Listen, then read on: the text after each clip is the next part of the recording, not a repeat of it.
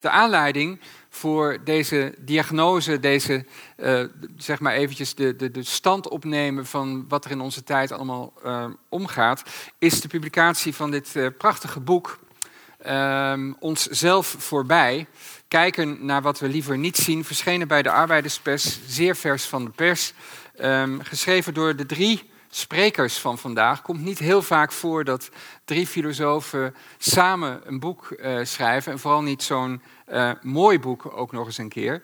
Um, in, het, uh, in het boek is er een verbindend thema. Er zijn meerdere verbindende thema's. Het is een korte inleiding uh, bij het boek. En een van de thema's hebben we er voor vanavond uitgehaald. Uh, het is niet verzekerd dat we ook niet op andere thema's komen, maar één thema zal in ieder geval de verbindende schakel zijn. En dat uh, figureerde in de aankondiging van de avond, namelijk doemdenken. er zijn genoeg ontwikkelingen, politiek, de ecocrisis, internet en ga zo maar door, die ons ertoe verleiden misschien wel om te gaan doemdenken. Um, om te gaan denken, nou ja, weet je wat, de wereld gaat ten onder, kan mij het ook schelen. Um, uh, ik vertrek wel naar Nieuw-Zeeland of iets dergelijks. Nou, dat doet u blijkbaar nog niet in ieder geval. Um, want u bent hier gelukkig. Um, maar is er echt aanleiding om te doemdenken? Is doemdenken het antwoord op de vele uitdagingen die onze tijd ontstelt? En wat is doemdenken eigenlijk? Wat zou wel een, een betere, adequatere houding zijn ten opzichte van wat er in onze tijd allemaal omgaat? Um, daar, daar, gaat het boek over en daar gaan we het vanavond ook over hebben. Uh, met de drie sprekers en de drie schrijvers uh, van uh, het boek. Uh, in volgorde van opkomst Elise de Mul, uh, Lisa Doeland en Naomi Jacobs. Um, Elise uh, promoveert aan de TU Eindhoven. Nee, RU Leiden. Lisa Doeland is filosoof en promoveert aan RU Leiden. Lisa is programmamaker hier bij Rapport Reflex en promoveert. promoveert. Ja, Leiden. Nou ja, in ieder geval. We doen dingen. Ik, ik, u, u, moet weten, ik ben heel zenuwachtig. Het is de eerste keer dat ik drie filosofen tegelijk moet interviewen. Um, in ieder geval zijn hier promovendi uit Leiden, Utrecht, uh, Leiden, Nijmegen en Eindhoven. Um, en het zijn alle drie jonge filosofen die de pols van onze tijd gaan uh, nemen. En ik denk dat ik uh, heel snel mijn mond moet houden uh, en dat ik het woord moet geven aan, aan de eerste. En ik ga niet meer zeggen waar die vandaan komt, maar het is wel Elise. Elise, de vloer is er van jou.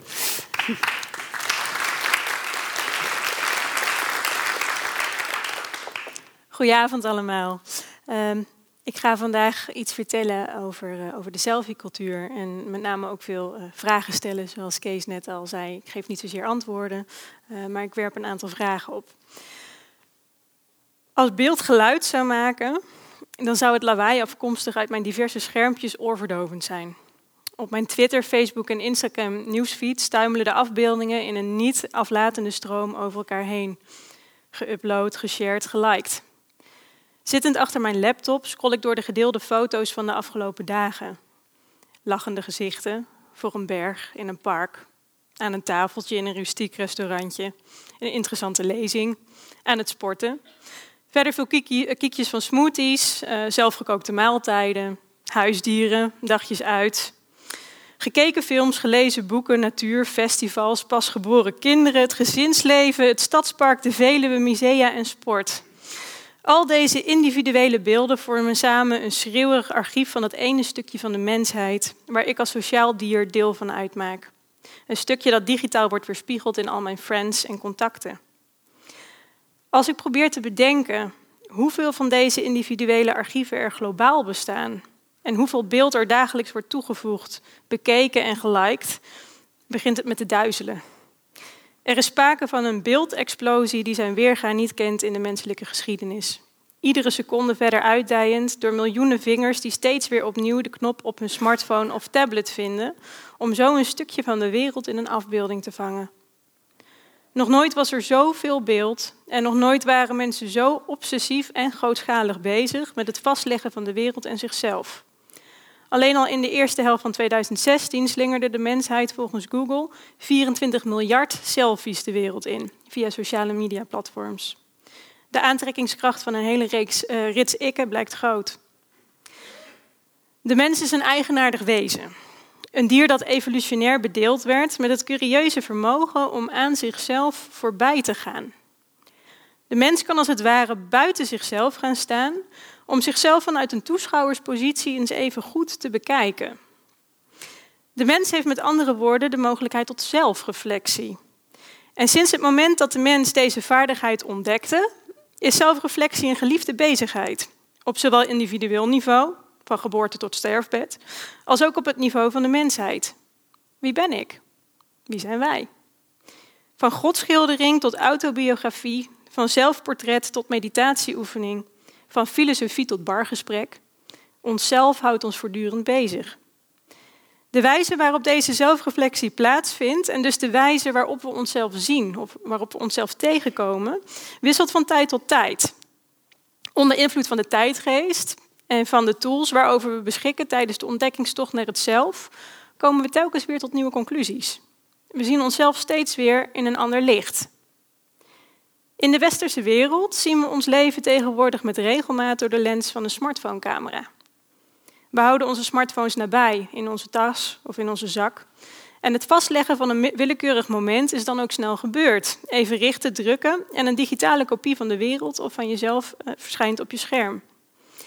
Deze digitale foto valt vervolgens naar smaak aan te passen met behulp van allerhande filters en bewerkingen. En vooral zogenaamde vintage filters, die je foto een zweem van nostalgie voorzien, blijken uh, populair. Vervolgens maakt dezelfde smartphone het makkelijk de foto te delen met, met je online social netwerk, bijvoorbeeld via Instagram, Facebook, Twitter, Snapchat, noem het maar op.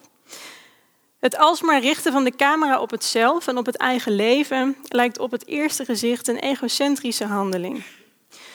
Loop even met me mee naar de rand van een zwembad eind 2014. Als je wil werken.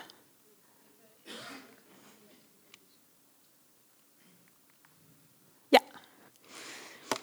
Een man naast je filmt met groeiende verbazing een jonge vrouw die langs de zijde van het zwembad staat. Een smartphone in haar hand. Het filmpje zal hij later uploaden op YouTube. Daar op die zwembadrand in haar bikini lijkt het meisje zich niet bewust van haar omgeving. Ook jij ontsnapt aan haar aandacht. Ze gaat geheel op in een intieme handeling waarin enkel zij en haar telefoon een rol spelen. Ze staat selfies te maken, zo begrijp je al gauw. Minutenlang staat ze zich in de meest onmogelijke bochten te wringen om tot het gewenste eindresultaat te komen.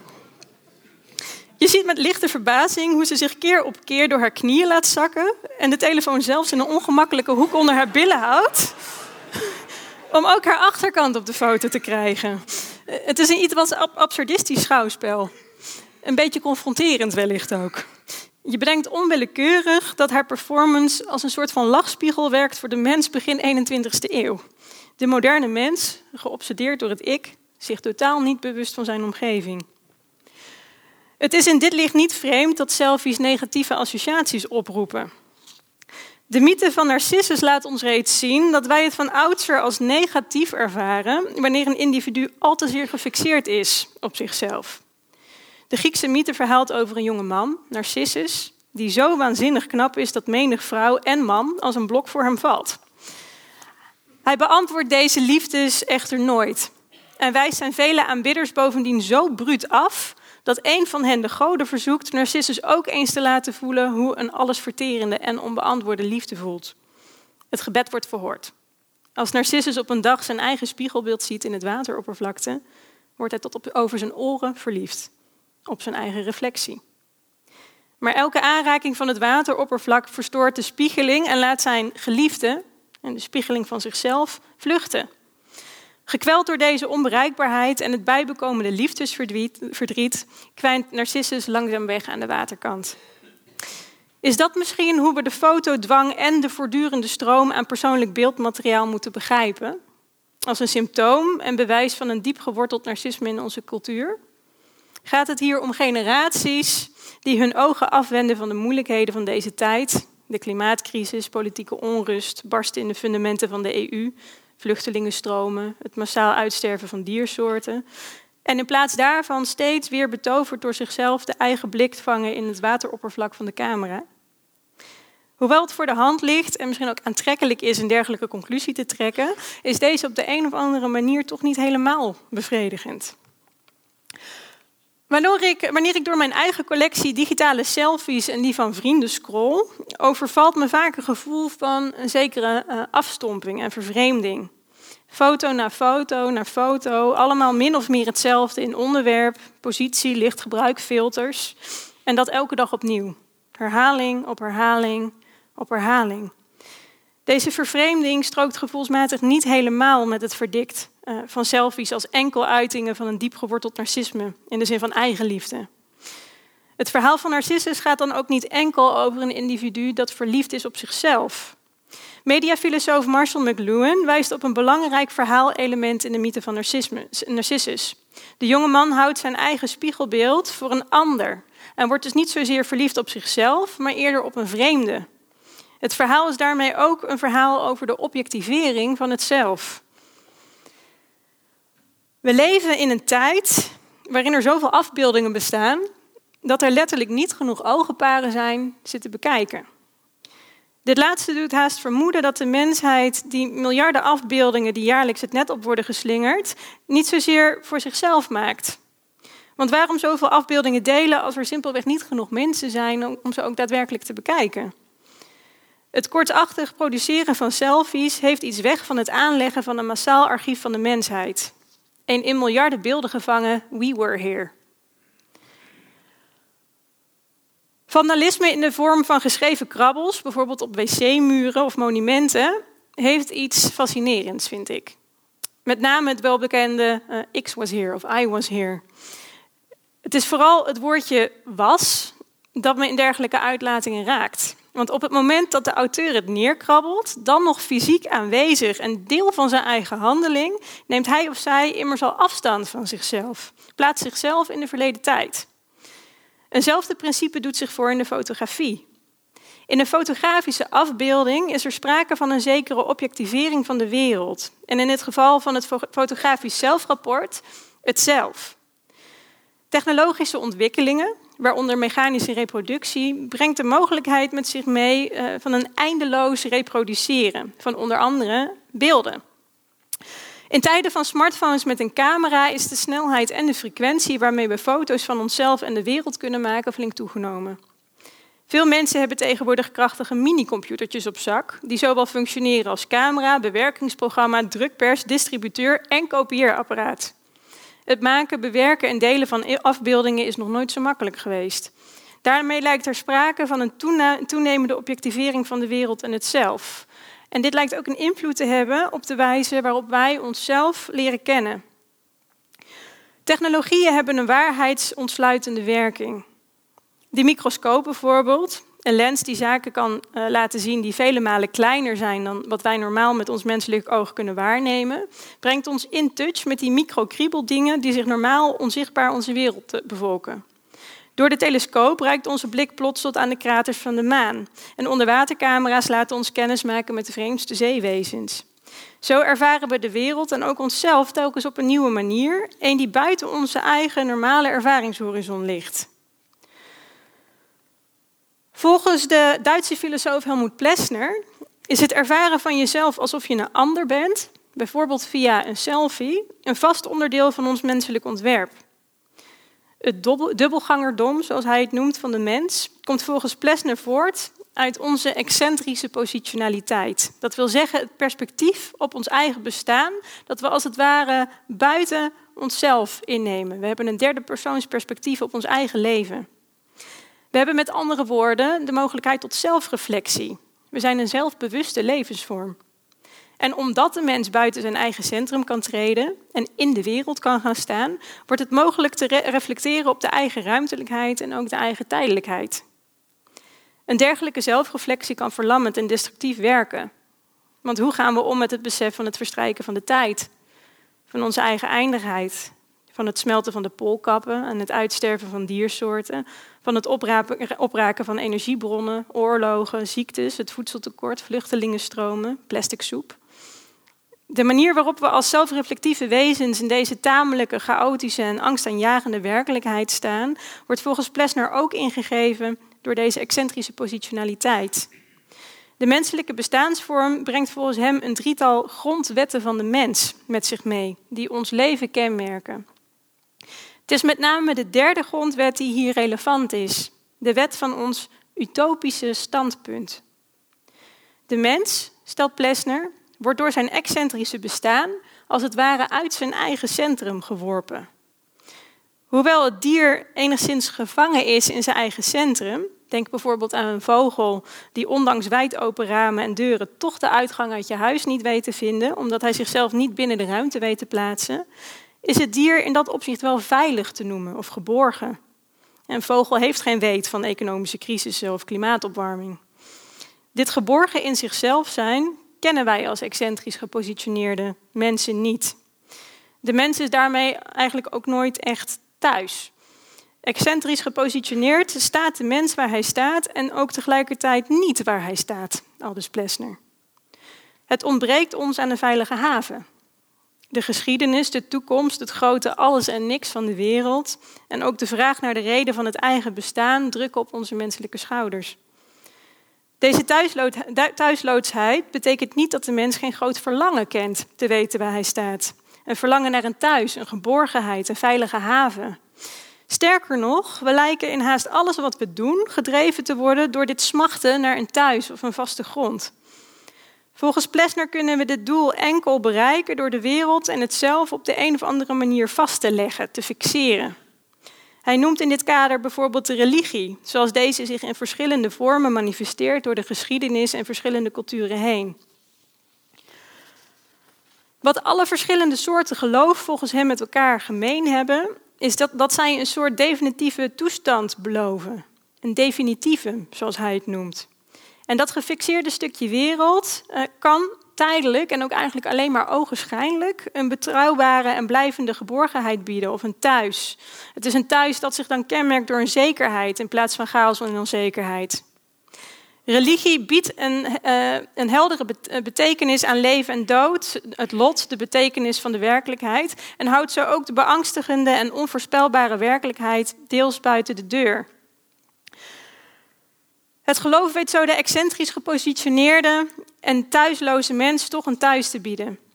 Al bestaat dit thuis misschien maar uit een dun en wankel toneeldecor dat bij een zuchtje wind om kan vallen. Zouden we selfies wellicht kunnen begrijpen als een onderdeel van dit thuisdecor? Een collectie kleurige beelden waarmee we de kartonnen wandjes van ons gefabriceerde thuis behangen. Vormen selfies in deze beangstigende chaos van mogelijkheden en pijnlijke toekomstbeelden misschien een ankerpunt een wijze om onszelf op een veilige manier tot een controleerbaar middelpunt van alles te maken. Is het enorme beeldarchief dat we samen genereren wellicht een definitiefum van onze tijd te noemen?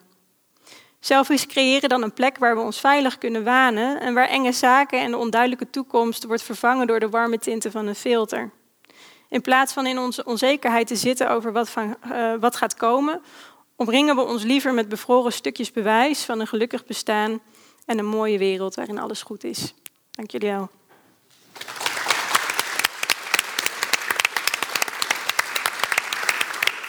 Ja, Elise, en uh, je promoveert natuurlijk in Leiden.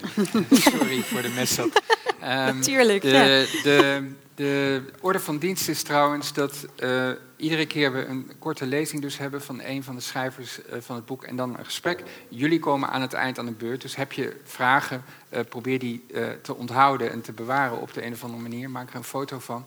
um, En dan komt hij aan het eind, heb je alle gelegenheid om die vraag te stellen. Maar mijn eerste vraag is misschien wel, en dat is voor jullie alle, alle drie, wat mij opvalt in, bij jullie alle drie, is dat je eigenlijk best wel op, op, op een, op een misschien wat gekke manier uh, religieus vocabulaire tegenkomt. Je, noemt het nu direct ook. Hè? Dus uh, Plessner heeft het over religie. Selfies zijn eigenlijk een soort nieuw soort religie, een nieuw soort houvast eigenlijk in deze onzekere tijden. Het gaat straks ook nog over hoop, het gaat over apocalyps. Um, uh, zou je kunnen zeggen dat als we toch op de tijdgeest komen, dat we in een tijd zitten waar religie geseculariseerd is, waar, je, waar de religie zich uit inderdaad in dingen als hoop, uh, een apocalyptische uh, verwachting, bij wijze van spreken, en in jouw geval dat definitievum, dat die mhm. selfie waar we ons aan vastklampen, maar waarvan we eigenlijk weten dat die, dat die ook eigenlijk tot de ondergang veroordeeld is. Zou ik dat zo moeten zien? Zou dat een verbindende schakel kunnen zijn? Dat is eigenlijk aan jullie alle drie. Niet? uh, nou ja, ik spreek voor mezelf, dus misschien denken jullie er anders over. Maar kijk, ik vind het eerder interessant hoe jij de vraag eigenlijk stelt. Want jou, als ik jou goed begrijp, stel jij dat uh, vocabulaire zoals hoop of apocalyps, of, uh, dat dat religieuze terminologie is. Maar je zou ook kunnen zeggen, het zijn termen die waardevol zijn en die toegeëigend zijn eeuwenlang binnen een religieus uh, discours. Mm -hmm. um, maar dat wil niet zeggen dat een begrip als hoop, een begrip als apocalyps, nou, et cetera, -hmm dat dat per definitie religieuze termen zijn. Maar moet ik dan zeggen dat dat, dat, dat zou één lijn van het boek zijn, dat wat jullie proberen is om die terminologie los te weken van een religieus kader? Zou, ja, ik zou, misschien, zou, ik dat moeten zeggen? Ik denk dat je dat eerder zou moeten zeggen, ook omdat uh, dus we leven in een ogenschijnlijk geseculariseerde samenleving, waarin dat soort religieuze begrippen uh, nog wel degelijk um, uh, ons, een klauwen in ons mhm. hebben, denk ik. Betekenis hebben ook. Uh, en ik spreek dan meer voor mezelf inderdaad. Dat, dat, nou ja, ik zal er zo in mijn lezing wat meer op ingaan. Ik probeer inderdaad de apocalyps, niet, niet heel expliciet, maar eigenlijk wel uit die religieuze context los te weken. Of sowieso eigenlijk het, het apocalyptisch denken, wat dus blijkbaar toch nog greep op ons heeft. Om dat te problematiseren en om daaraan voorbij te, te gaan. Omdat mhm. dat juist niet meer uh, omdat het tot ons in de weg zit. Uh -huh. Maar ik zie bij jou wat anders. Want wat jij, wat jij doet is eigenlijk laten zien dat, dat er in zekere zin de religieuze attitude er nog steeds is. Alleen niet meer in de zin van die oude religies, maar in de zin van die selfie-cultuur. dat lijkt mij een ander thema dan wat jij nu. Ja, nee, dat is absoluut waar. Maar ik denk inderdaad dat het misschien eerder andersom is. Dus waar, ik haalde net Plessner aan, uh, dat, dat, dat het veel dieper gaat. Dat het in ons mensontwerp zit om dergelijke, uh, een dergelijk definitiefum op te zoeken. En dat, ja. dat zich door de tijd elke keer op een andere manier manifesteert. En mhm. ik denk dat wij nu in een tijd leven uh, waarin technologie vaak die rol vervult op verschillende manieren. Dus mhm. bijvoorbeeld in, in de zin van selfies, maar ook technologie als een soort van redmiddel. Hè. We staan op een breekpunt, nou, maar er wordt vast wel wat uitgevonden wat ons zal verlossen. Het, gaat, het gaat goed komen. ja. En, maar is, is, is dat niet, dat, dat heb ik het idee, is ook een verbindende schakel of verbindende lijn in jullie, in jullie boek. Het zoeken naar schijnzekerheden. dus we leven in een ongelooflijk onzekere tijd, onzekerder dan die misschien ooit geweest is, in ieder geval in ons uh, recente verleden.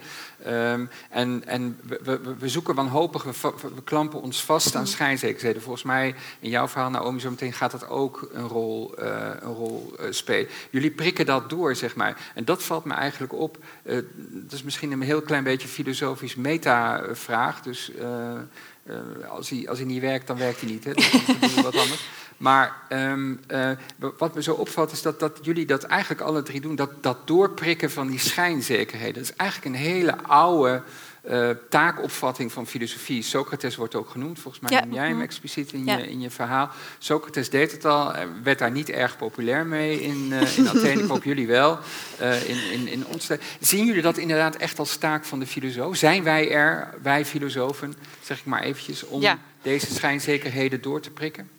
Zou ik wel zeggen. Ik, ik, moet nu ook denken aan. Um, uh, uh, dit, dit, het voelt ook als iets wat mij achtervolgt. Heel lang geleden, toen ik uh, net studeerde, vonden wij de, de publieksfilosofie, die toen ook al. Hè, met de Nachten van de Filosofie. We hebben er trouwens net weer eentje gehad in Nijmegen ook. Heb ik georganiseerd. Ja. maar die vonden Hij wij een beetje. Leuk. Hij was best leuk. Ja. maar die vonden wij te, te, te, te, te makkelijk, te zelfhulp. Te, um, uh, je gaat er naartoe en, en het is allemaal het, is te, te, gemakkelijk zoiets. En toen hebben, hebben wij in uh, Amsterdam met een aantal medestudenten heb ik Festival Drift opgezet. En uh, ik kan me herinneren dat in het openingswoord van die eerste avond dat, dat het eindigde met en het mag ook best een beetje pijn doen. dus dat, ja. En dat, dat, heb ik, dat zagen wij toen ook als taak van de, van de filosofie eigenlijk. En we hadden het idee dat, dat, dat we dat ook als, als filosofie-studenten dan moesten zoeken naar docenten en andere mensen die, die dat deden om dat weer inderdaad te, te, te brengen. Mm -hmm. ja. en, en, werkt dat bij jullie, bij jullie ook, dat dat inderdaad expliciet tegen de, het idee is van filosofie als inderdaad zelfhulp, mm. wederom eigenlijk als seculiere religie, hè? dus de, de filosofen als de nieuwe dominees die je wel vertellen hoe je je leven goed leven. kunt leiden. Is, ja.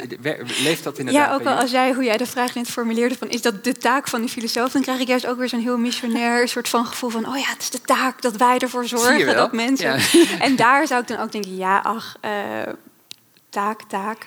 Eh, ik denk dat het iets belangrijks is. En dat, dat je als, als filosoof uh, de, de middelen, het vocabulaire hebt om nou ja, schijnzekerheden bloot te leggen. En dat mhm. dat dan ook gewoon heel leuk is om te doen. Is filosofie dan een soort volksverheffing, zeg maar? Moeten we de mensen uit de grot om René Pas ten Bos... Op, hè? Pas dat boek hebben wij niet. Uh. dat, dat wij, wij niet, nee. Boek, zeg maar.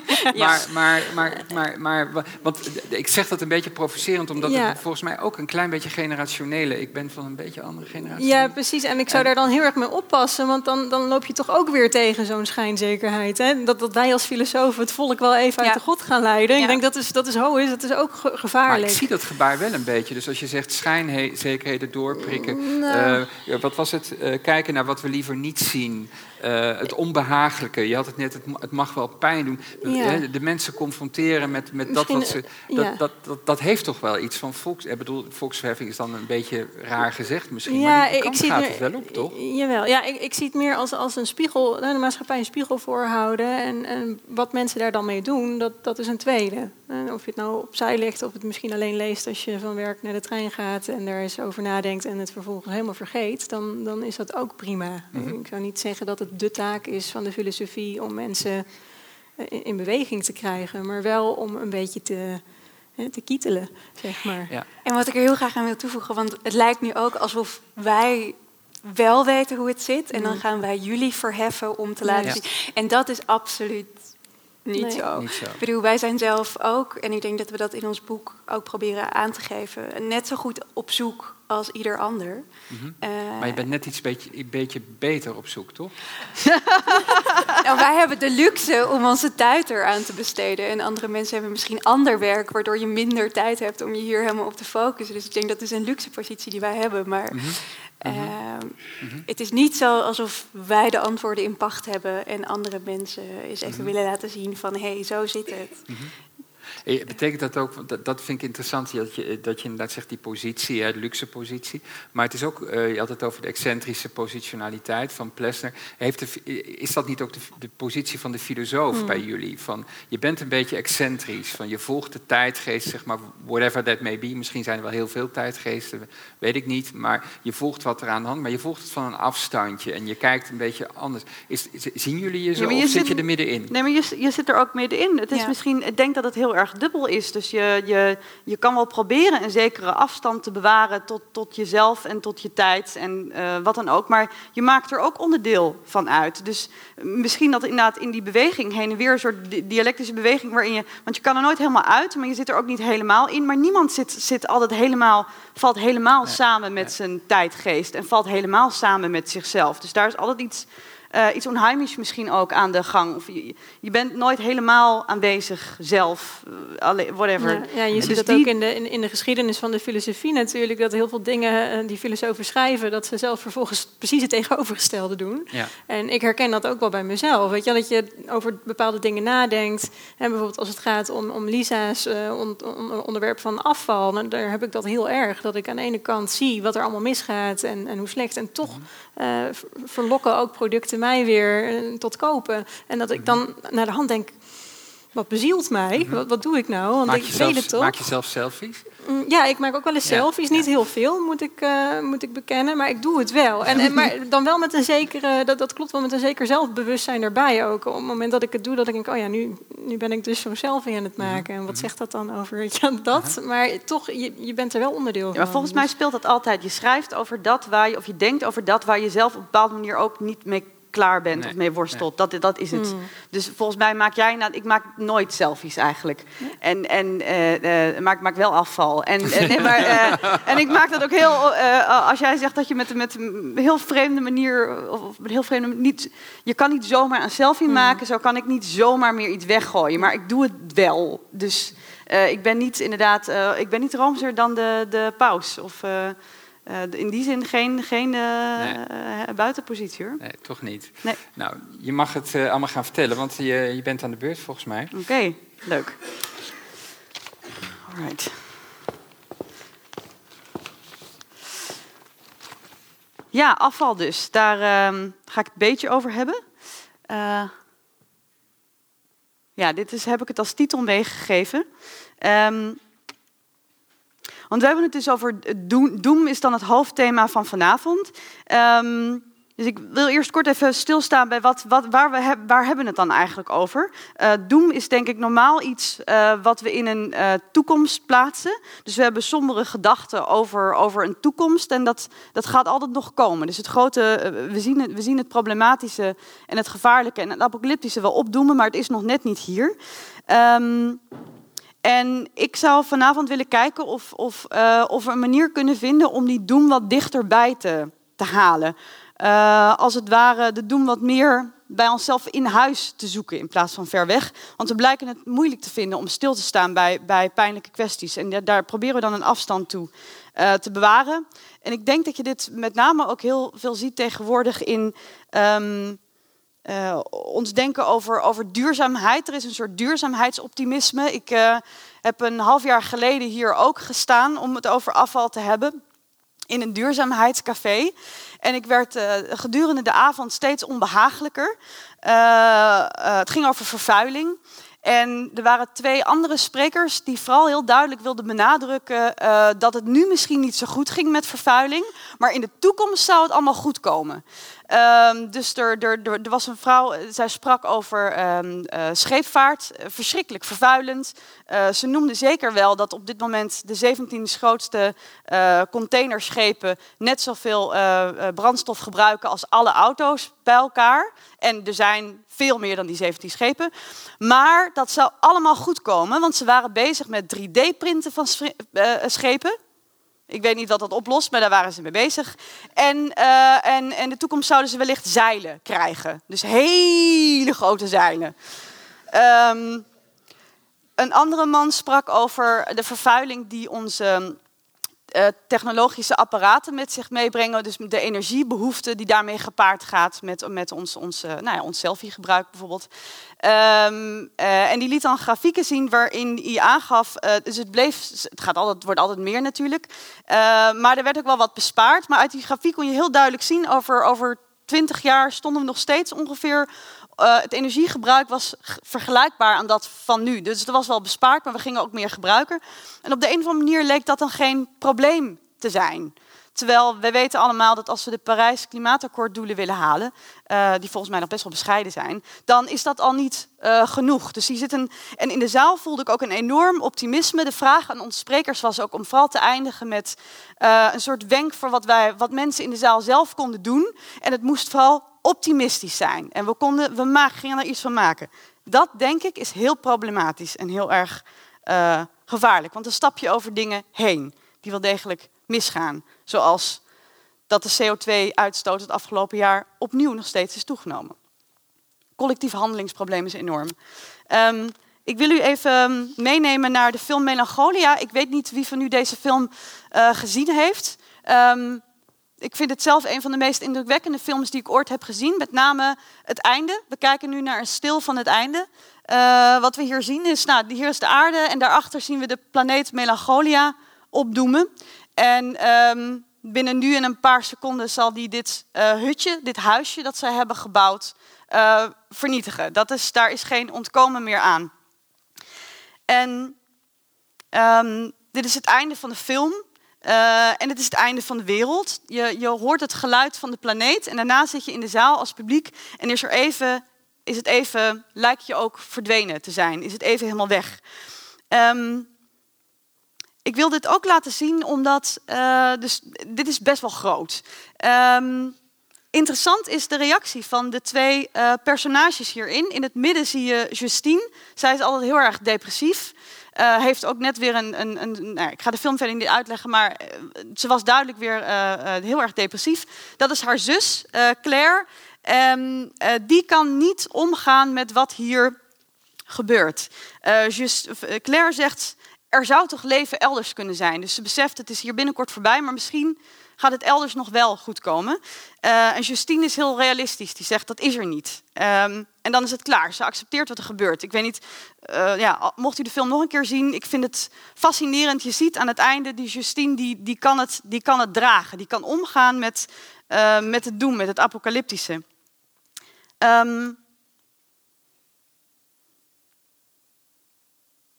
Ik ik denk dat wat ik mee wil nemen van dit beeld is. ehm, het gaat niet, uiteindelijk gaat doemdenken en apocalyptisch denken niet zozeer over ehm, het einde van de, de wereld. Want wat is de wereld eigenlijk die eindigen zal? Ehm, maar de einde van de wereld als betekenisvol geheel. En dan vooral ehm, voor mensen. Want we hebben het vaak over de wereld voor de mensen. En dan vooral ook de wereld zoals die nu is. Het gaat heel vaak ook duurzaamheidsdenken. eh gaat over het eh, bewaren van dingen zoals ze nu zijn. Het gaat om de status quo. Het gaat om angst dat dingen eh, zullen veranderen. Dat we niet meer de controle zullen hebben zoals we vaak nu ervaren dat we die wel hebben. Dat we eh, zeker zijn. Dat we ons af- onafhankelijk voelen. En dat we niet zo geconfronteerd worden met onze eh, sterfelijkheid. Ehm, Britse filosoof Timothy Morton zegt hierover. dus het einde van de teleologie, van het, ehm, betekent het einde van de wereld, dus het einde van een heel duidelijk doelmatig denken. betekent het einde van de eindes en het begin van onzekere, eh, twijfelende toekomstigheid. Dus we raken de wereld kwijt eh, als een soort betekenisvolle eh, totaliteit. Maar wat we ervoor terugkrijgen is een vorm van intimiteit. Voordat ik op dat intieme inga, wil ik nog even ingaan op, op waarom doemdenken nou vaak zo, zo lekker is. In de afgelopen jaren is daar, eh, nou dit, is, dit is de film eh, San Andreas, 2015. Ehm, hier wordt verbeeld dat de San, Andreas breuklijn nabij San Francisco, die schuurt, gaat helemaal mis. Eh, nou ja, we, we zien, we zien hem komen, de golf. Dit is het einde van San Francisco. Ehm, Lee Phillips, een journalist, die heeft ons eh, collapse porn addicts genoemd. Eh, Hugo Lindgren, die heeft deze term volgens mij in 2011 of zo, is het een beetje begonnen. Dat, dat, dat, dat, dat lekkere pessimism porn heeft hij het genoemd. Ehm, eh, Nederlandse filosoof Thijs Leister, die spreekt van collectieve catastrofelie. Uh, nou, misschien moeten we eigenlijk nog veel verder terug in de tijd, naar, naar, naar Eh, die doemdenk introduceerde. En eh, Van Koten merkte toen op, ik denk wel eens, ehm, dit, dit merkte hij trouwens op in een filmpje eh, waarin werd gesuggereerd, misschien moeten we maar naar Nieuw-Zeeland gaan, want het is hier helemaal niet leuk meer met al die doemdenkers en al die kritieken waarin ze zeggen dat het naar de haaien gaat. We zijn er gewoon klaar mee, daarom gaan we naar Nieuw-Zeeland. Nu gaan we naar Nieuw-Zeeland omdat we nou denken dat het daar daadwerkelijk beter eh, is. De grote der aarde komen daar, kopen daar stukken aarde, omdat ze dan, nou ja, daar kunnen ze zich terugtrekken. Maar goed, Van Koten die zegt, ik denk wel eens dat ze het lekker vinden, dat het SM-gevallen zijn. Wat is er dan zo lekker aan? Ehm, ik denk dat in dat, in dat idee van de apocalyps, of in, in, de, de, de, in, eh, in het Oud-Grieks betekent het onthulling. Dus de apocalyps gaat over eh, een waterscheiding. Of hier openbaart zich eh, iets waardoor we ook kunnen bepalen wat goed is en wat slecht. Wat we moeten doen. Er is een, een duidelijk voor en een na. En een soort belofte van helderheid. Eh, die schaalt daarin. Nou, dat is heel prettig. Want je kan wel zeggen, dit is ehm, eh, verschrikkelijk allemaal. Maar als je precies weet wat er gaat gebeuren... ehm, dan heb je in ieder geval zekerheid. Al is het, eh, eh, al is het een slecht vooruitzicht. Je weet in ieder geval wat er gaat gebeuren. Dus in die zin brengt dan, brengt dan de apocalypse een soort cognitive closure. Ehm, daar zal Naomi het zo ook nog over hebben. Ehm, is het weer even rond en behapbaar en helder. Waarom het misschien ook wel lekker is, eh, daar heeft eerder genoemde Moorten denk ik ook wel een antwoord op.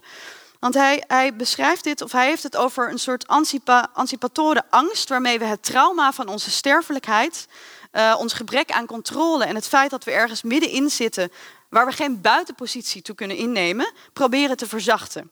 Dus we zoeken een fictioneel punt in de toekomst, soms ook in het verleden, die ons houvast kan bieden. Ehm, je ziet dat denk ik ook in het denken over klimaatopwarming, dat we dan heel graag willen weten wanneer het precies begon en waardoor het precies wordt veroorzaakt. Omdat we dan het idee hebben dat we daarmee weer de grip terugkrijgen en het dus ook eventueel kunnen oplossen. Ehm, als u deze film gezien heeft, dan gelooft u daar waarschijnlijk niet meer in. Uh, dit is de serie of de film uh, documentaire How to Let Go of the World and Love All the Things Climate Can't Change. En deze documentairemaker, uh, die Josh Fox, die gaat uh, bij allerlei wetenschappers langs om informatie in te winnen over uh, wat ons allemaal te wachten staat. Ehm, daar word je niet vrolijk van. Daar zit ook geofysicus uh, Michael Mann in, die aangeeft dat hij in zijn lezingen vaak de vier ruiters van de apocalyps erbij haalt. Um, en dan uitlegt, ja, eerst oorlog, dan honger en uiteindelijk ziekte en dood, famine and death, famine and death. En dan wordt het even stil. Um, en deze Josh Fox die vraagt zich dan af, waarom we, laten we niet gewoon los? Dit is het moment waarop hij los lijkt te laten. Um, hier kun je, hij, hij laat een drone los, die drone gaat omhoog. Die gaat steeds hoger en hoger. Um, en dat is denk ik een heel interessante vraag. Dus waarom zou je niet loslaten? Er is hier sprake van een soort uh, verlamming, een, een uh, overwhelmed zijn, niet na kunnen denken. Uh, misschien een beetje zoals Claire dat ook heeft in de Melancholia-film. Um, dus een overdonderd worden door allerlei voorspellingen en dan niet meer kunnen, kunnen handelen. Dus dat verklaart wel waarom het idee van het gaat goed we gaan alsnog een soort zekere toekomst tegemoet um, zo aantrekkelijk is. Maar ik zou dan toch willen vragen met Morten opnieuw. Um, gaat duurzaamheid uiteindelijk niet over meer over het managen en reguleren van stromen, over het efficiënt mogelijk in stand houden van de status quo en steeds meer ook vechten om een soort giftige grondstoffen. Maar vraagt hij, do we want to sustain a world based on a philosophy of grey goo? Um, dat is een vraag die wij moeten stellen. Vooruitgang, waar naartoe? Uh, een beeld wat hiermee resoneert, en dat zag ik pas toen ik bezig was met de presentatie maken voor vanavond, um, is dit werk van uh, Paul Klee, een uh, Duitse schilder. Um, en dit werk is bekend geworden, dus je ziet hier eigenlijk ook iemand die zo ligt. Dit werk is bekend geworden omdat de Duitse filosoof Walter Benjamin erover geschreven heeft in een uh, ja, een, een, een, verzameling aforismen, denk ik dat je het het beste kan noemen, over het begrip geschiedenis. Um, en dit is een heel uh, bekende, uh, dit is het tiende aforisme daaruit. Ik wil het even helemaal voorlezen. Um, er is een schilderij van, u kunt meelezen, van Klee, dat Angelus Novus heet. Daar is een engel op afgebeeld die eruit ziet alsof hij op het punt staat zich af te wenden van iets waar hij naar staart. Zijn ogen zijn opengesperd, zijn mond is open en zijn vleugels zijn uitgestrekt.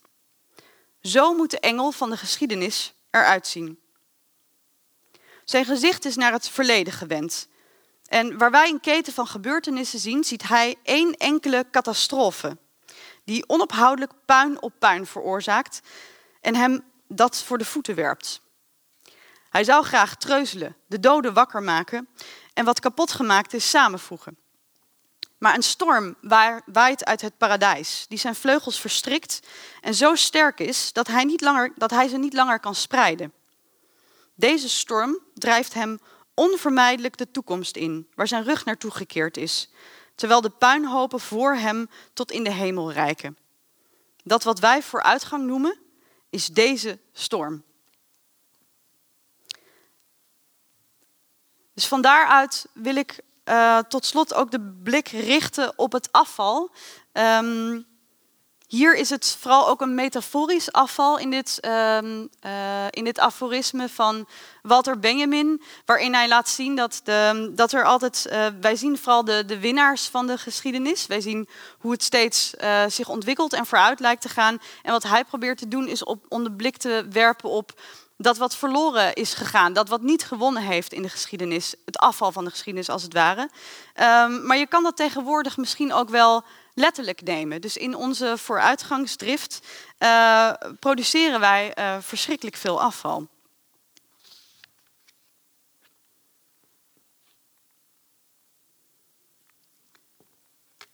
Een stil uit uh, Wally, een film, uh, nou ja, een nogal dystopische film, denk ik. Dit is dan waar het naartoe zou kunnen gaan. Een, een afval van Skyline, uh, of een Skyline afval. Um, het is niet dat ik denk dat, dit, dat de toekomst er zo uit zou kunnen zien, maar wat, waar dit robotje ons op wijst, um, is dat er een tegenkant is, een soort schaduwzijde uh, aan onze verlangens. En dat het feit dat wij vaak dingen kortstondig naar ons toe halen, om daar heel veel uh, even plezier aan te beleven, instant bevrediging, die we ook kunnen krijgen trouwens als we uh, geliked worden online, dat die een tegenkant heeft. Um, en die zien we liever niet. En een van die tegenkanten wil ik u tot slot nog laten zien. Dat is deze albatros. Um, wellicht dat u deze foto al eens heeft gezien. Uh, hij is door Chris Jordan gemaakt uh, op uh, een klein eilandje, een atol in de Stille Zuidzee. Midway heet het. En hier woont een albatros-kolonie. En vanwege al het plastic wat in de zee beland is, sterven daar heel erg veel kleine albatrosjes. Want in plaats van vis wordt ze plastic gevoerd. En dit is uiteindelijk wat er van ze overblijft. En uh, wat ook wel bijzonder is om te zien, dat um, het plastic is langer bewaard gebleven uh, dan de botjes. Dus het plastic is nogal uh, duurzaam gebleven. En um, ik zou willen stellen dat dit, deze albatros ons een vraag stelt. Um, namelijk de vraag hoe wij met dit beest verbonden zijn. Dus in plaats van ons op een afstand te plaatsen en ook de doem en het apocalyptische op een afstand te plaatsen, uh, moeten we het naar ons toe halen. Um, en ook ons beseffen dat iedere keer dat wij uh, spullen waar wij ons eerder misschien verbonden mee voelden, eindigen uh, door ze in de prullenbak te stoppen, dat daar iets geks gebeurt. Dat wij dan onze relatie tot die dingen uh, als absoluut houden dat wij de enige zijn die daar een relatie mee hebben. En dat wij dus kunnen bepalen wat ermee gebeurt en het wegstopt. Uh, maar wij zijn niet de enige. Uiteindelijk heeft de, deze albatros die heeft ook een relatie uh, met al die dingen die onze aarde rijk is. Um, dat neemt niet weg dat ik tot slot zou willen oproepen tot een vorm van afvallofilie, een liefde voor het afval.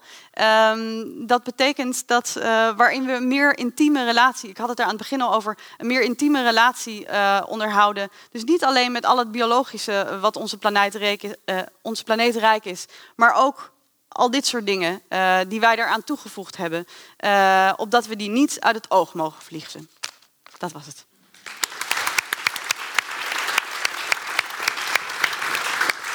Ja, Lisa, en, en jij promoveert hier in Nijmegen. Ja. Uh, weet ik uit betrouwbare bron. Ja.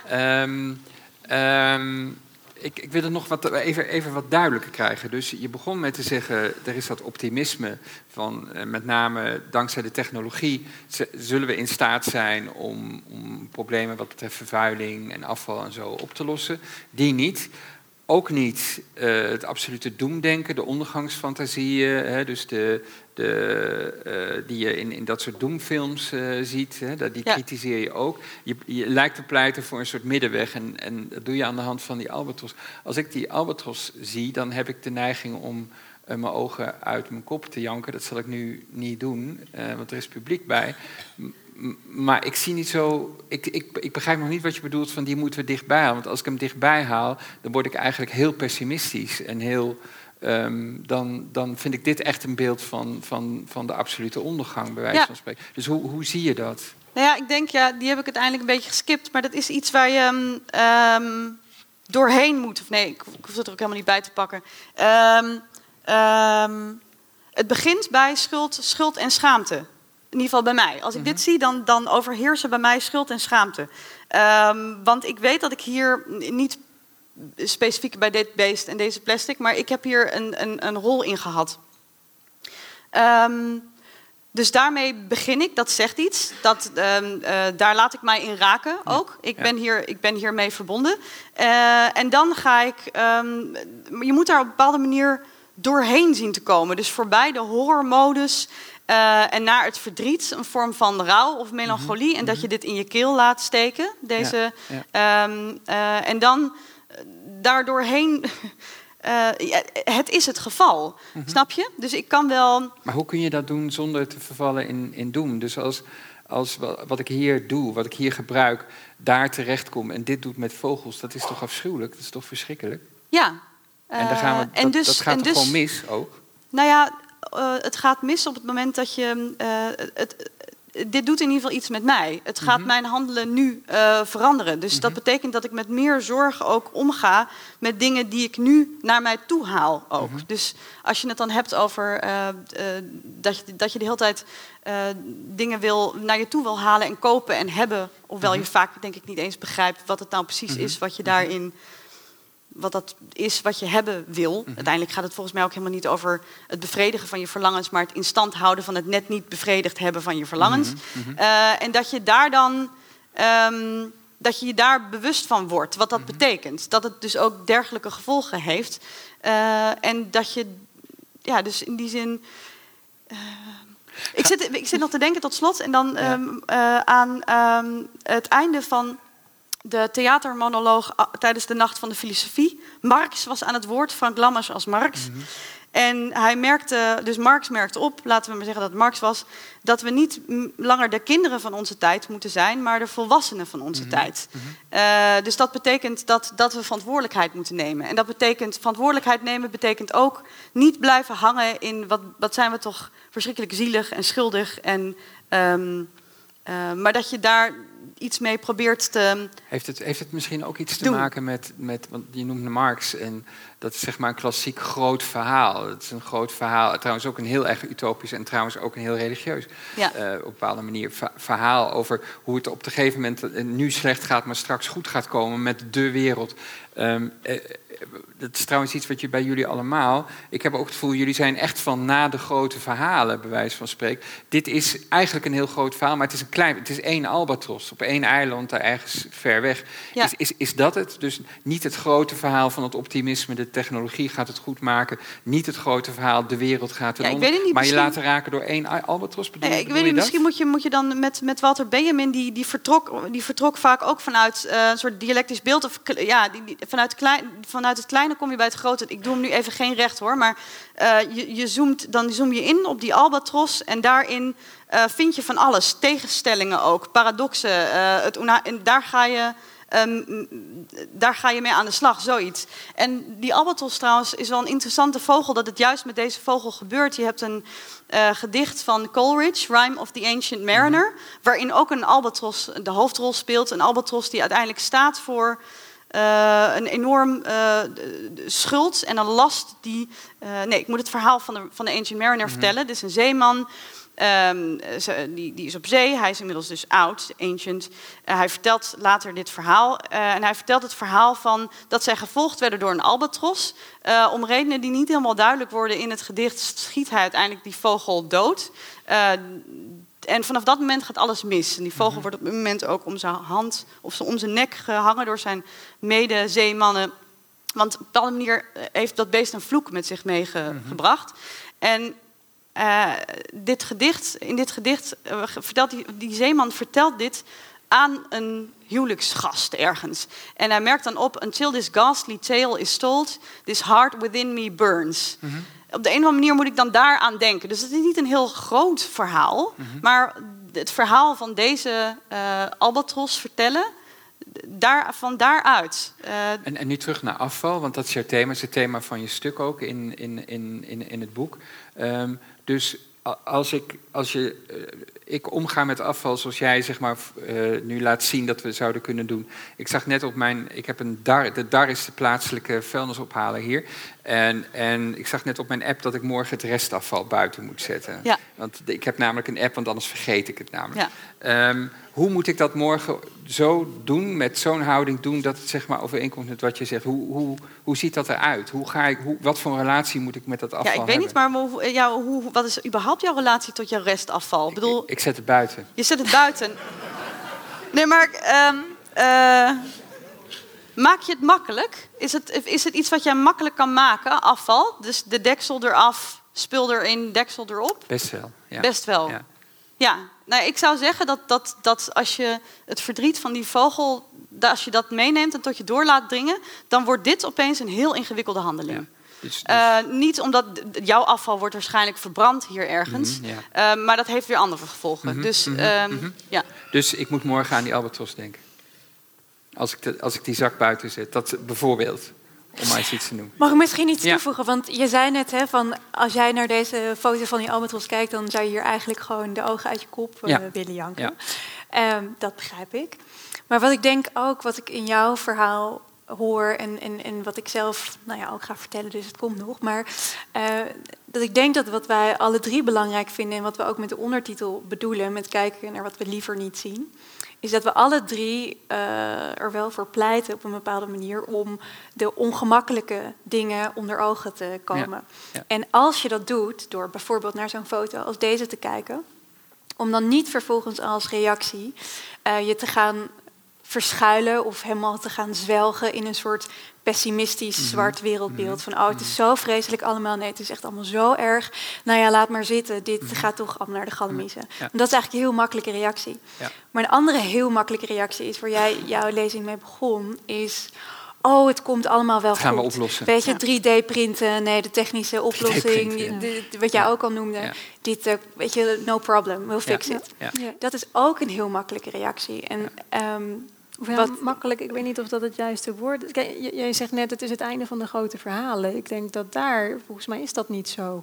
Mhm. En is er nog steeds sprake van grote verhalen. Bijvoorbeeld Wat- dat van het kapitalisme. Of eh, Mhm. hier in het Westen, eh, je hebt het over spullen kopen en steeds maar meer willen. Ik denk dat dat ook onderdeel is van een soort van schijnzekerheden. Ook in dit geval weer. Als je maar je huisje hebt en je auto en je baan en je spulletjes... dan, dan moet het toch allemaal wel goed komen. En dan Mhm. Ja, wat kan de wereld toch niet zo slecht Ja. zijn. Maar, maar Eh, wat ik bedoelde met die grote verhalen is het grote verhaal van de oplossingen. Hmm. Zo van, eh, straks krijgen we eh, de dictatuur van het proletariaat en het Hmm. communisme en dan komt alles wel goed. Straks krijgen we dit of dat en dan komt het allemaal Ja. goed. Straks krijgen we technologie en dan komt het allemaal goed. Ja. En dat valt me op bij jullie al drie. Er is geen straks komt het allemaal goed. Nee. Er is ook niet een straks gaat het allemaal slecht, maar, Maar jullie lijken daar wel tussenin te zitten. Een bepaalde vorm van hoop, zou ik willen zeggen. Mhm. En dat is misschien niet hoop zoals in de religieuze context, waar jij misschien eerder in het gesprek op doelde. Ja, hij komt van de Veluwe, ik kan er ook niks aan doen. Ja. Ja. Ja. Maar, en ik, ik zal daar straks meer over zeggen, maar ik denk hoop begrepen als eh, het omarmen, het beseffen, het begrijpen, het voelen dat dingen onzeker zijn en, en, en grillig en, en buiten ons eigen Mhm. controlegebied. Maar juist omdat ze onzeker zijn, biedt dat ook mogelijkheid om misschien uitkomsten te veranderen. En precies daarin, denk ik, positioneert hoop zich. En dat zou misschien de uitweg zijn. En dat mag je nu gaan uitleggen, want we, we zijn alweer over de tijd van ons gesprek. eh,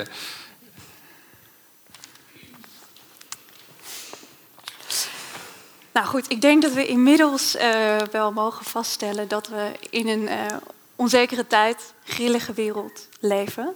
Eh, nou ja, de apocalyptische gevolgen van klimaatverandering eh, die ons te wachten staan, zijn al uitvoerig aan bod gekomen. Maar ik wil ook nog even noemen. ehm, schimmige databedrijven die eh, samenwerken met politieke partijen en ons zonder dat wij het weten op onze social media ons beïnvloeden en op maat gemaakte reclame voorschotelen zonder dat we daar ons bewust van zijn.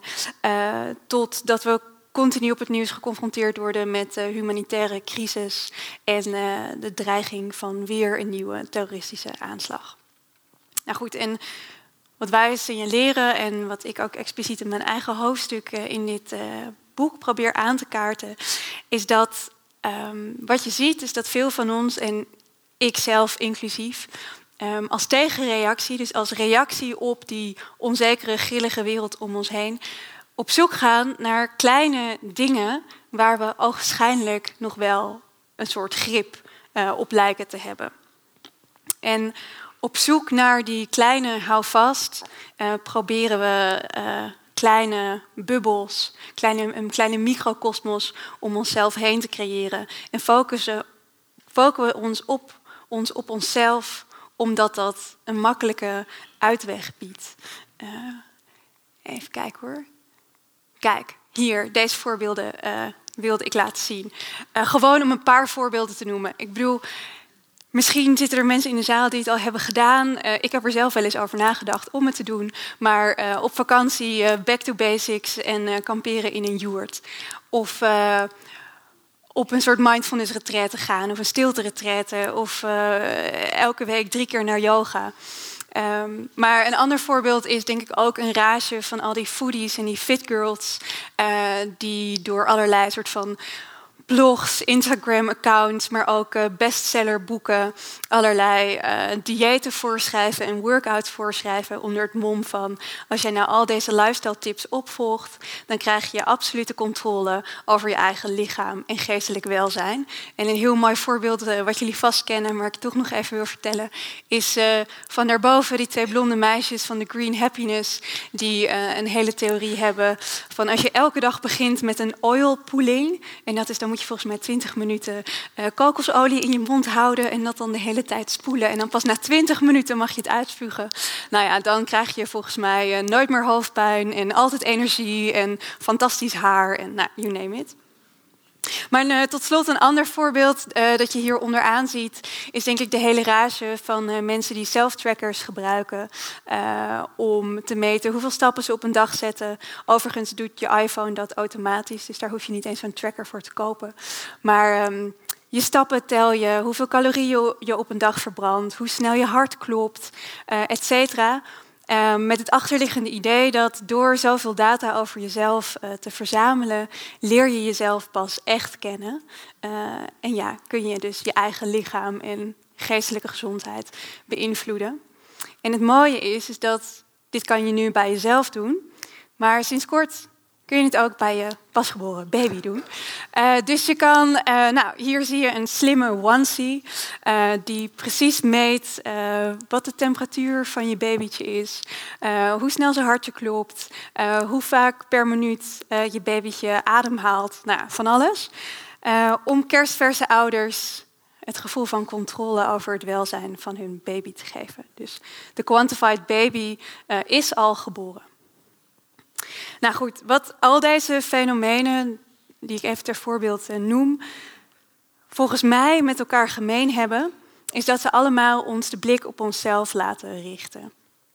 En allemaal brengen ze de focus ja, naar onszelf, naar onze eigen binnenwereld. We zijn, elkaar, we zijn bezig voortdurend om onszelf te temperaturen. En op een bepaalde manier eh, stellen al deze fenomenen ja, een soort hou vast in het vooruitzicht. Van als je maar die mindfulness retraite doet, als je maar aan dat bepaalde sapjesdieet houdt, dan krijg je een soort van controle over je eigen lichaam en geest. Um, en wat ik denk dat uh, een van de dingen is die deze fenomenen teweeg brengen, is dat ze een beetje gaan gelden als gereedschappen, als tools, om het onkruid dat we ambivalentie kunnen noemen, uh, om dat uit te roeien. En de sociale en economische determinanten van welzijn, die worden in dit zogenaamde welzijnsdiscours compleet buiten beschouwing gelaten. Dus um, wanneer jij je gestrest voelt door de enorme werkdruk die jou wordt opgelegd door je werkgever, dan leidt het advies: uh, ga lekker uh, een cursus zen-meditatie doen, haal diep adem uh, en je raakt van je burn-out af. Uh, maar of als je je juist onzeker voelt, uh, omdat je helemaal niet weet of je wel genoeg freelance klussen hebt volgende maand, en het angstzweetje juist daarom uitbreekt, dan lijkt het welzijnsdiscours uh, ook dan je te zeggen dat je het allemaal onder controle krijgt als je de kakofonie van negatieve gedachten maar weet uit te schakelen, diep ademhaalt en focust op jezelf. En ik ga een klein stukje voorlezen uit mijn essay. De verantwoordelijkheid voor het oplossen van grote problemen wordt op die manier op het individu afgeschoven. Iets wat verhuld wordt door een naïef enthousiasme dat mensen doet geloven dat persoonlijk welzijn en het creëren van een betere wereld een kwestie zijn van individuele lifestylekeuzes. Maar hoe goed bedoeld die lifestyle- en welzijnsadviezen vaak ook zijn, de voortdurende nadruk op individuele verantwoordelijkheid leidt tot een misleidende overtuiging dat structurele maatschappelijke problemen daadwerkelijk voortkomen uit persoonlijke keuzes en acties. Ook filosoof Thijs Leister signaleert in zijn boek De grote vlucht inwaarts dat we steeds vaker geneigd zijn om oplossingen voor maatschappelijke problemen bij onszelf te zoeken. En ik citeer hier Thijs Leister. Helpen we het klimaat naar de knoppen? Koop een onbespoten appel bij Markt met een Q. Compenseer de CO2-uitstoot van je vliegreis door bomen te laten planten in de Caucasus of doe aan carsharing. Wil jij de volgende economische crisis voor zijn? Stap dan over naar een groene en verantwoorde bank. Investeer in goud of ga wonen in een joert. Het is echter een misleidende gedachte dat de verantwoordelijkheid voor het oplossen van structurele maatschappelijke problemen, zoals economische crisis of de gevolgen eh, van klimaatopwarming, uitsluitend bij onszelf als individu ligt. Want terwijl jij als individu druk bezig bent om zo verantwoord mogelijk te leven, maakt een bedrijf als Shell jouw inspanningen direct weer ongedaan. Maar het is nou eenmaal een stuk eenvoudiger om je op je eigen individuele handelingen te richten dan de invloed van een multinational zoals Shell terug te dringen. En het is daarom ook niet verwonderlijk dat we ons liever richten op kleine en persoonlijke doelstellingen die we ogenschijnlijk nog wel in de hand hebben, zoals het scheiden van ons plastic afval om die klimaatopwarming tegen te gaan, uh, of door die cursus en meditatie te volgen tegen een burn-out. En op zich is daar helemaal niets mis mee. Maar het wordt problematisch wanneer we ons blind gaan staren op die persoonlijke lifestylekeuzes en het plaatsvervangende doelstellingen worden om onze onzekerheid over de toekomst mee te bedwingen. Wanneer we niet langer inzien dat we met simpele lifestylekeuzes alleen de maatschappelijke problemen van onze tijd niet kunnen oplossen. Wanneer we werkelijk beginnen te geloven dat we in onze zelfgecreëerde bubbels onzekerheid buiten kunnen houden. Want dan varen we op schijncontrole.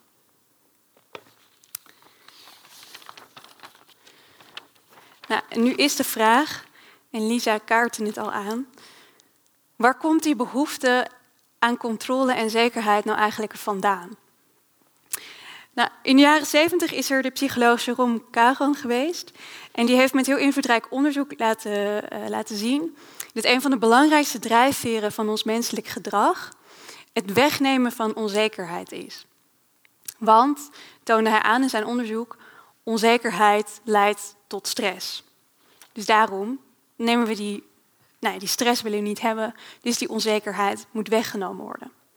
En de psycholoog Arie Kruglanski die is vervolgens verder gegaan op dat onderzoek. En die ontdekte wat hij noemde de behoefte aan cognitive closure. En dat is de menselijke behoefte om op het moment dat jij je in een ambiguë, onzekere, onduidelijke situatie bevindt, om dan, koste wat het kost, uh, verklaringen te vinden. Dus op het moment dat jij je in een onzekere uh, situatie bevindt, ga je op zoek naar antwoorden en verklaringen. En als die er niet zijn, dan verzin je er simpelweg een. Nou, dit, deze behoefte aan cognitive closure die bestaat uit twee belangrijke fases. Grijpen en bevriezen. En in die eerste fase is urgentie een belangrijke drijfveer. Mensen willen namelijk zo snel mogelijk de cirkel rondredeneren en daardoor grijpen ze voorbijkomende informatie aan zonder rustig de tijd te nemen om die evaluatie te evalueren, om die informatie te evalueren. In de tweede fase is de behoefte aan standvastigheid een belangrijke drijfveer. En bevriezen mensen de informatie die, die ze in de eerste fase hebben gevonden. Om zo de beredeneerde cirkel zo lang mogelijk in stand te houden. En hier komt het gevaar van een anchoring bias of een correspondence bias om de hoek kijken. Want mensen gebruiken hun eerste indruk als een ankerpunt voor het vormen van verklaringen en hebben vervolgens geen oog meer voor nieuwe, misschien wel tegenstrijdige informatie. Maar goed, dit uh, psychologisch onderzoek van zowel Kagan als Kruglanski uh, laat zien dat het helemaal niet zo verwonderlijk is dat we op zoek zijn naar grip en controle. Maar zoals de voorbeelden en de fenomenen die ik uh, nou ja, net besprak laten zien, het is vaak schijncontrole of nepzekerheid waar we het mee doen. En daarom denk ik dat het belangrijk is om aan de hand van denkers zoals Søren Kierkegaard en Rebecca Solnit um, te onderzoeken hoe we onzekerheid juist kunnen leren omarmen. En in het reinen kunnen komen met onze angst voor het onbekende. Ik heb hier een iets wat uh, kitsch plaatje bij uh, gezocht, maar ik denk dat die wel werkt. De Deense filosoof Søren Kierkegaard hij meende dat we het leven alleen maar achterwaarts kunnen begrijpen, maar toch, we moeten het voorwaarts leven. En wat er voor ons ligt, wat de toekomst voor ons in petto heeft, dat kunnen we niet weten. De toekomst is het onzichtbare en het onbekende bij uitstek. We kunnen niet zien wat ons nog staat te gebeuren. En Kierkegaard uh, observeerde of, dat het onbekende angst inboezemt. En dan wel een speciaal soort angst, um, namelijk angst voor het niets. Angst voor het oningevulde, voor de open situatie die voor je ligt. En die angst voor het onbekende is volgens Kierkegaard dubbelzinnig. Want het onbekende schrikt aan de ene kant af, maar tegelijkertijd trekt het ook aan. Je weet immers niet wat je te wachten staat. Het onbekende is nog oningevuld, dus misschien brengt het je wel ongeluk, misschien brengt het je wel iets moois.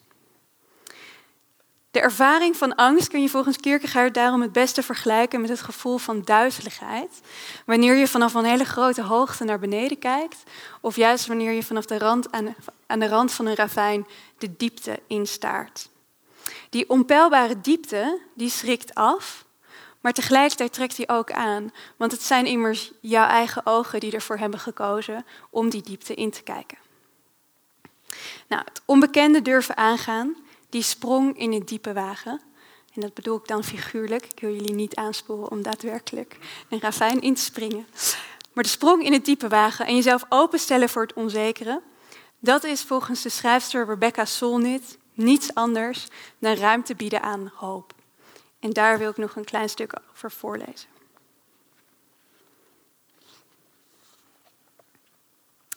Hoop, zo schrijft historica en schrijfster Rebecca Solnit in haar boek Hope in the Dark: Wild Possibilities, Untold Histories, heeft te maken met onvoorspelbaarheid.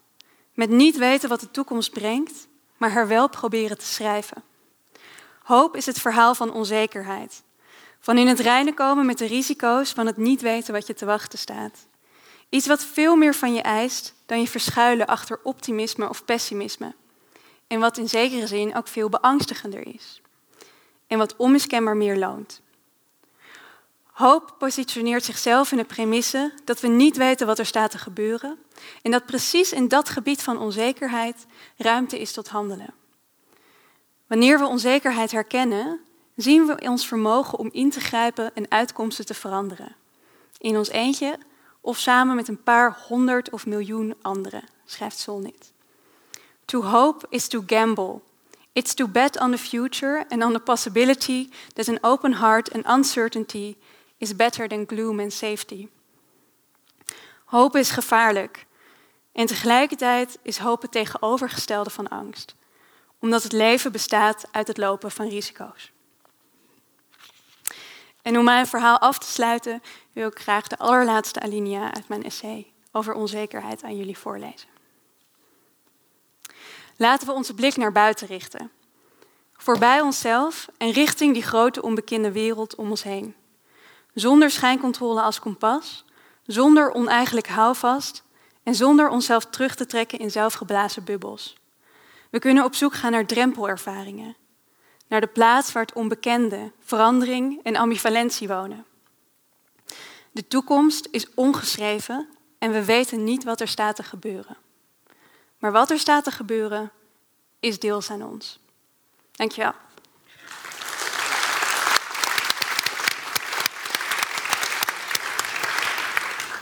Um, ja, het thema hoop is, ze hadden het al eerder over. Is ook iets wat jullie uh, drie verbindt, wil ik zo meteen naartoe. Maar ik wil toch nog een stapje terug van... Uh, je hebt dus het verhaal over... Uh, we zoeken naar, naar zekerheden. Hè, en die, die vinden we in jouw geval... We vinden die in selfies, maar die vinden we dus in jouw geval in, in een zweet... Nee, wat was het? Een, een joert op vakantie te gaan. En zweethut mag ook. Zweethut mag ja. ook. Wat jij, en, en, en sapjes en, en, en inkopen doen bij Markt met een Q en zo. En, um, um, en dat, daar zet je dit, dit, verhaal over het omarmen van de onzekerheid. Dus het niet wegnemen van onzekerheid, niet ontvluchten van de onzekerheid, niet, maar het uh, omarmen ervan. Maar de vraag daarvoor is eigenlijk, wat is er zo erg aan cognitive closure? Als dat een natuurlijke behoefte is, zoals je dat laat zien, uh, psychologisch onderzoek, waarom is het zo erg dat we dat, dat we doen? Waarom hebben we überhaupt een alternatief nodig? Wat is het probleem eigenlijk? Ik denk uh, dat het niet de bedoeling is om cognitive closure helemaal uh, bij het oudveld te zetten. Mm -hmm. Want het is een menselijke drijver en we hebben het nodig. Want als alles compleet onzeker zou zijn, dan is het leven niet leefbaar. Mhm. Ehm, maar ik denk dat ehm, het gaat om de goede balans zoeken. Er is een bepaalde zekerheid nodig. Je hebt een bepaalde zekerheid nodig om onzekerheid te kunnen eh, toelaten. En wat ik nu zie in bijvoorbeeld eh, al die lifestyle-fenomenen die ik net eh, besprak, is dat het lijkt alsof we doorslaan naar in die complete hang naar cognitive closure. Dus alles moet eh, onder ons Mhm. controle vallen. We moeten overal een soort van gevoel van houvast. En als ik dit maar doe, dan gaat het zus. En als ik zomaar, dan kan ik rekenen op. Mhm. Ehm, en ik denk dat dat eh, een onwenselijke ja, doorslag naar de verkeerde Mhm. kant is. Nou, nou hadden we volgens mij een decennium of wat geleden, wat was het, een beter milieu start bij jezelf of zo. Nou starten we bij onszelf en ik, ik, ik koop die onbespoten eh, eh, appeltjes, maar dat is ook weer niet goed. Ja. Of, bedoel- wat, is daar, wat is daar verkeerd aan, zeg maar? Ja, ik denk eigenlijk dat het weer precies hetzelfde is. Dat het gaat om de goede balans. Dus dat Mhm. eh, las ik net ook voor. En, en, en daar ben ik ook echt van overtuigd dat. Tuurlijk is het goed om die onbespoten appel eh, te kopen. En tuurlijk is het goed om als jij eh, naar Amerika vliegt, om dan in x honderd Mhm. bomen te laten Mhm. planten. Ehm, maar het is een misvatting om te denken dat dat dé oplossing is tot het probleem. Want ik denk dat we dan weer in de hoek komen van... oh, als we maar die eh, vrachtschepen kunnen 3D-printen... dan komt het allemaal goed. Mhm. Eh, de- en er is natuurlijk heel veel mensen hebben er baat bij als wij allemaal denken dat we het met lifestylekeuzes kunnen oplossen. Ja. Maar het zijn structurele, gigantisch grote Ja. maatschappelijke problemen. Ja, en- en... die moeten ook op dat niveau geadresseerd worden. En tuurlijk helpt het dan als je ook je plastic afval scheidt, eh, et cetera. Mhm. Maar dat is niet eh, het antwoord Mhm. op het probleem. Niet het enige antwoord. Ja, het gaat vooral om dat niet het enige en dat het, Ja. dat, dat de zekerheid biedt. Dat is eigenlijk wat je zegt. Ja. Nou ja, en laten we niet vergeten dat, eh, ehm, dat eh, die, die fit girls die eten vooral ook heel erg veel avocado's. Ja. Eh, want dat is echt super gezond en dat zal het ook zijn. Maar die moeten dan, is het lijkt, of we moeten, misschien kunnen we het daar nog over hebben. Ja, daar gaan we het nog zo gaan we het zo over nog over hebben. Ehm, er, eh, de, de- die avocado die is hier dus naartoe gekomen op Ja. zo'n vrachtschip. En dat, dat soort dingen verdwijnen buiten beeld. En ook als je het hebt over inderdaad super gezond leven. Er is twee weken geleden, denk ik, in, uit onderzoek kwam naar buiten dat ehm 93% van ons mineraalwater, ons bronwater, daar zit microplastic in. Dus Ja. wereldwijd. Eh, meer overigens dan in ons kraanwater. Want Ja. eerder, eh, september 2017, Ja. bleek 83 procent. Dus we kunnen eigenlijk, als we gezond willen zijn, hè, individueel, kunnen we beter eh, kraanwater drinken dan mineraalwater. Ehm, maar ook dus een, een soort bewustzijn daarvan en een aandacht daarvoor. Ja, maar dan, dan heb ik toch een vraag, en dat is nu voor jullie alle drie. Waar komt dan die hoop vandaan? Want als je ook als je dit soort dingen vertelt, ehm, en als je je realiseert, die plastic soep, de omvang daarvan wordt ons steeds meer duidelijk. Hij wordt trouwens ook steeds groter. Ja. Ehm, en er is daar ook niet speciaal meteen een technologische oplossing. Hoe, hoe kun je dan, juist als je naar dit soort dingen kijkt, als jij kijkt naar afval en plastic soep en dat soort hoe kun je überhaupt Mag ik, gaan een heel, hopen? mag ik een heel dat is hoopvol toch het laatste wat je eh, moet doen? noemen? Ja? Eh, nou, ik vind wat ik ontzettend een hoopvolle eh, ontwikkeling vind, is de rechtszaak tegen Shell. Dat Mhm. vind ik echt een heel erg goed Mhm. voorbeeld. En ik ben Mhm. Vol overtuiging, wat is het, aandeelhouder in eh, de, de klimaatzaak geworden, Ja. zoiets. Ja. En ik heb ook het gevoel dat dat leeft. Dat mensen denken, ja, yes, oké, dit, is, dit is dan nu de manier. eh, eh, Maar de zeven andere grote oliemaatschappijen gaan gewoon vrij uit en fakkelen hun olieplatforms in de Golf van Mexico. maar nu af, verschuil jij toch? je in pessimisme. Ah, ja.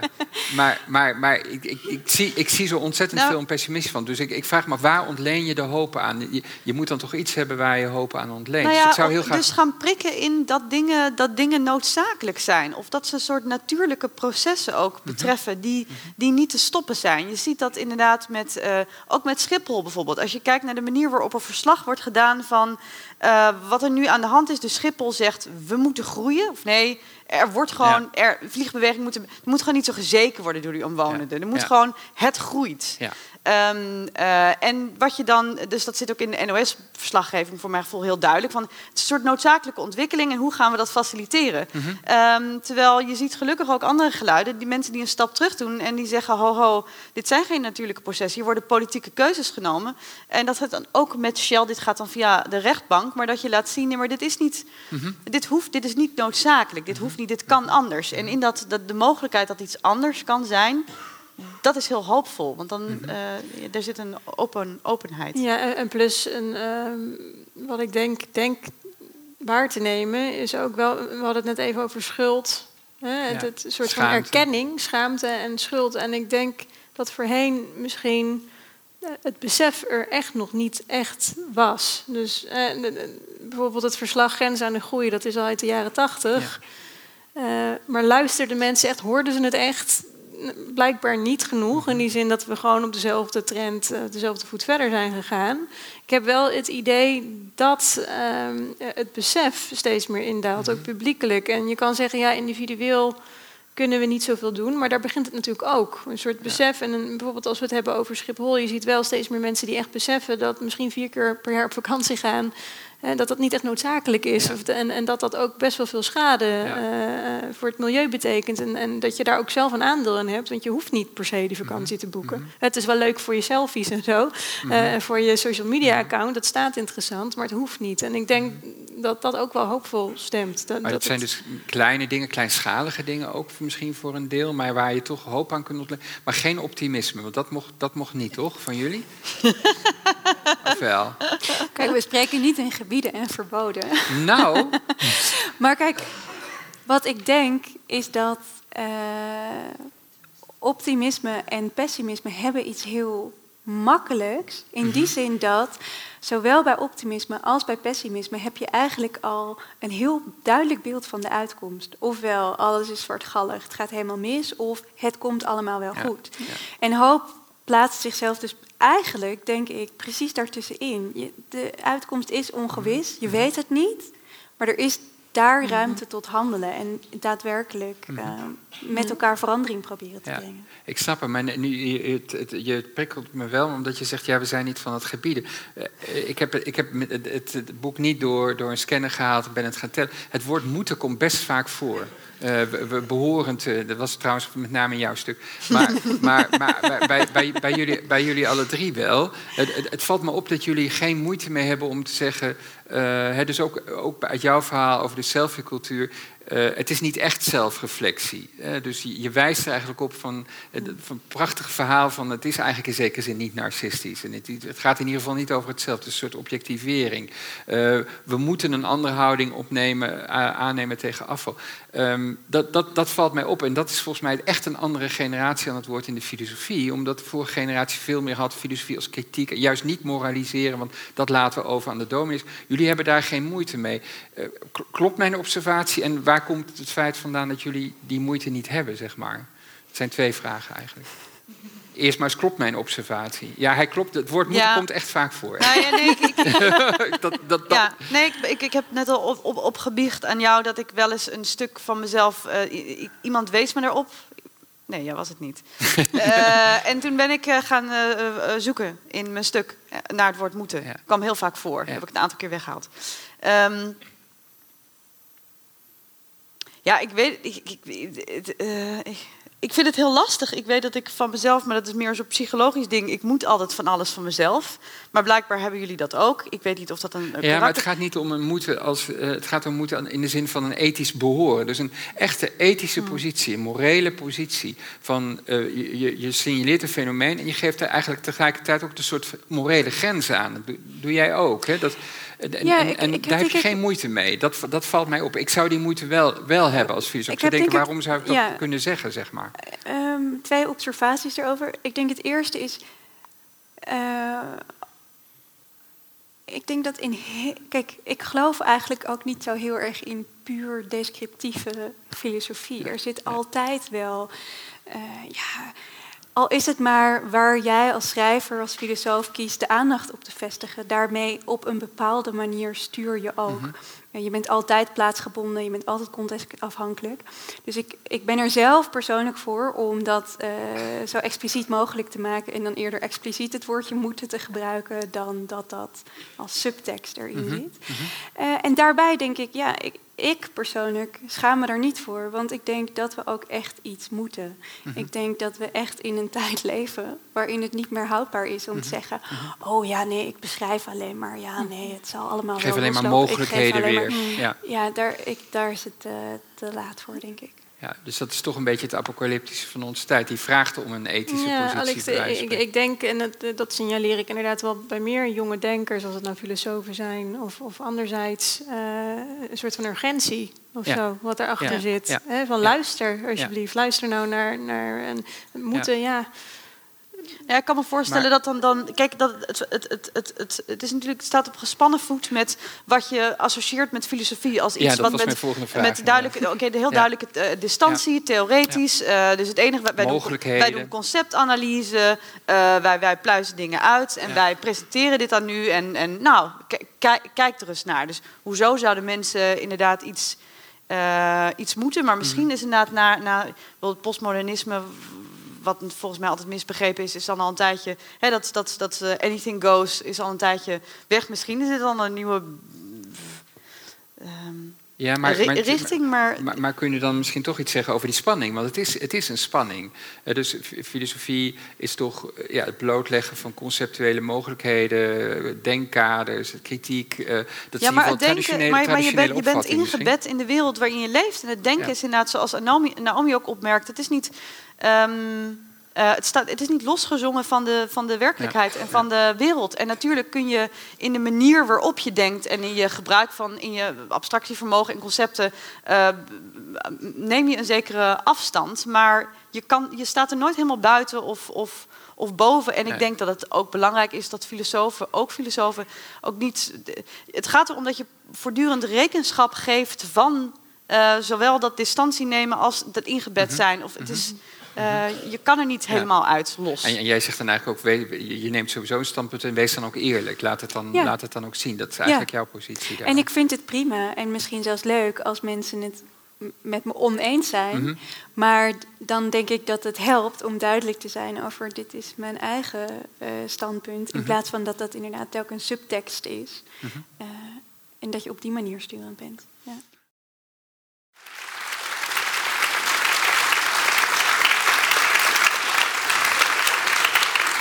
Ehm, ik ga nog een keer schaamteloos reclame maken voor hun boek. Eh, inmiddels eh, hebben jullie al heel veel ervan meegekregen, maar ik kan jullie verzekeren dat er nog veel meer in het boek staat dan jullie vanavond eh, eh, gehoord hebben. Zet zeer aan tot denken. Onszelf voorbij is volgens mij boven te koop. Koopt het in grote getalen en leest het. Ehm, en het is echt een, echt een, eh, een eh, aanrader, een unieke eh, samenwerking van deze drie jonge filosofen. Namens Radboud Reflex, bedankt dat jullie er waren. Bedankt voor jullie vragen en safe journey home. En we zien jullie graag weer een keertje terug. Dank jullie wel. Dank.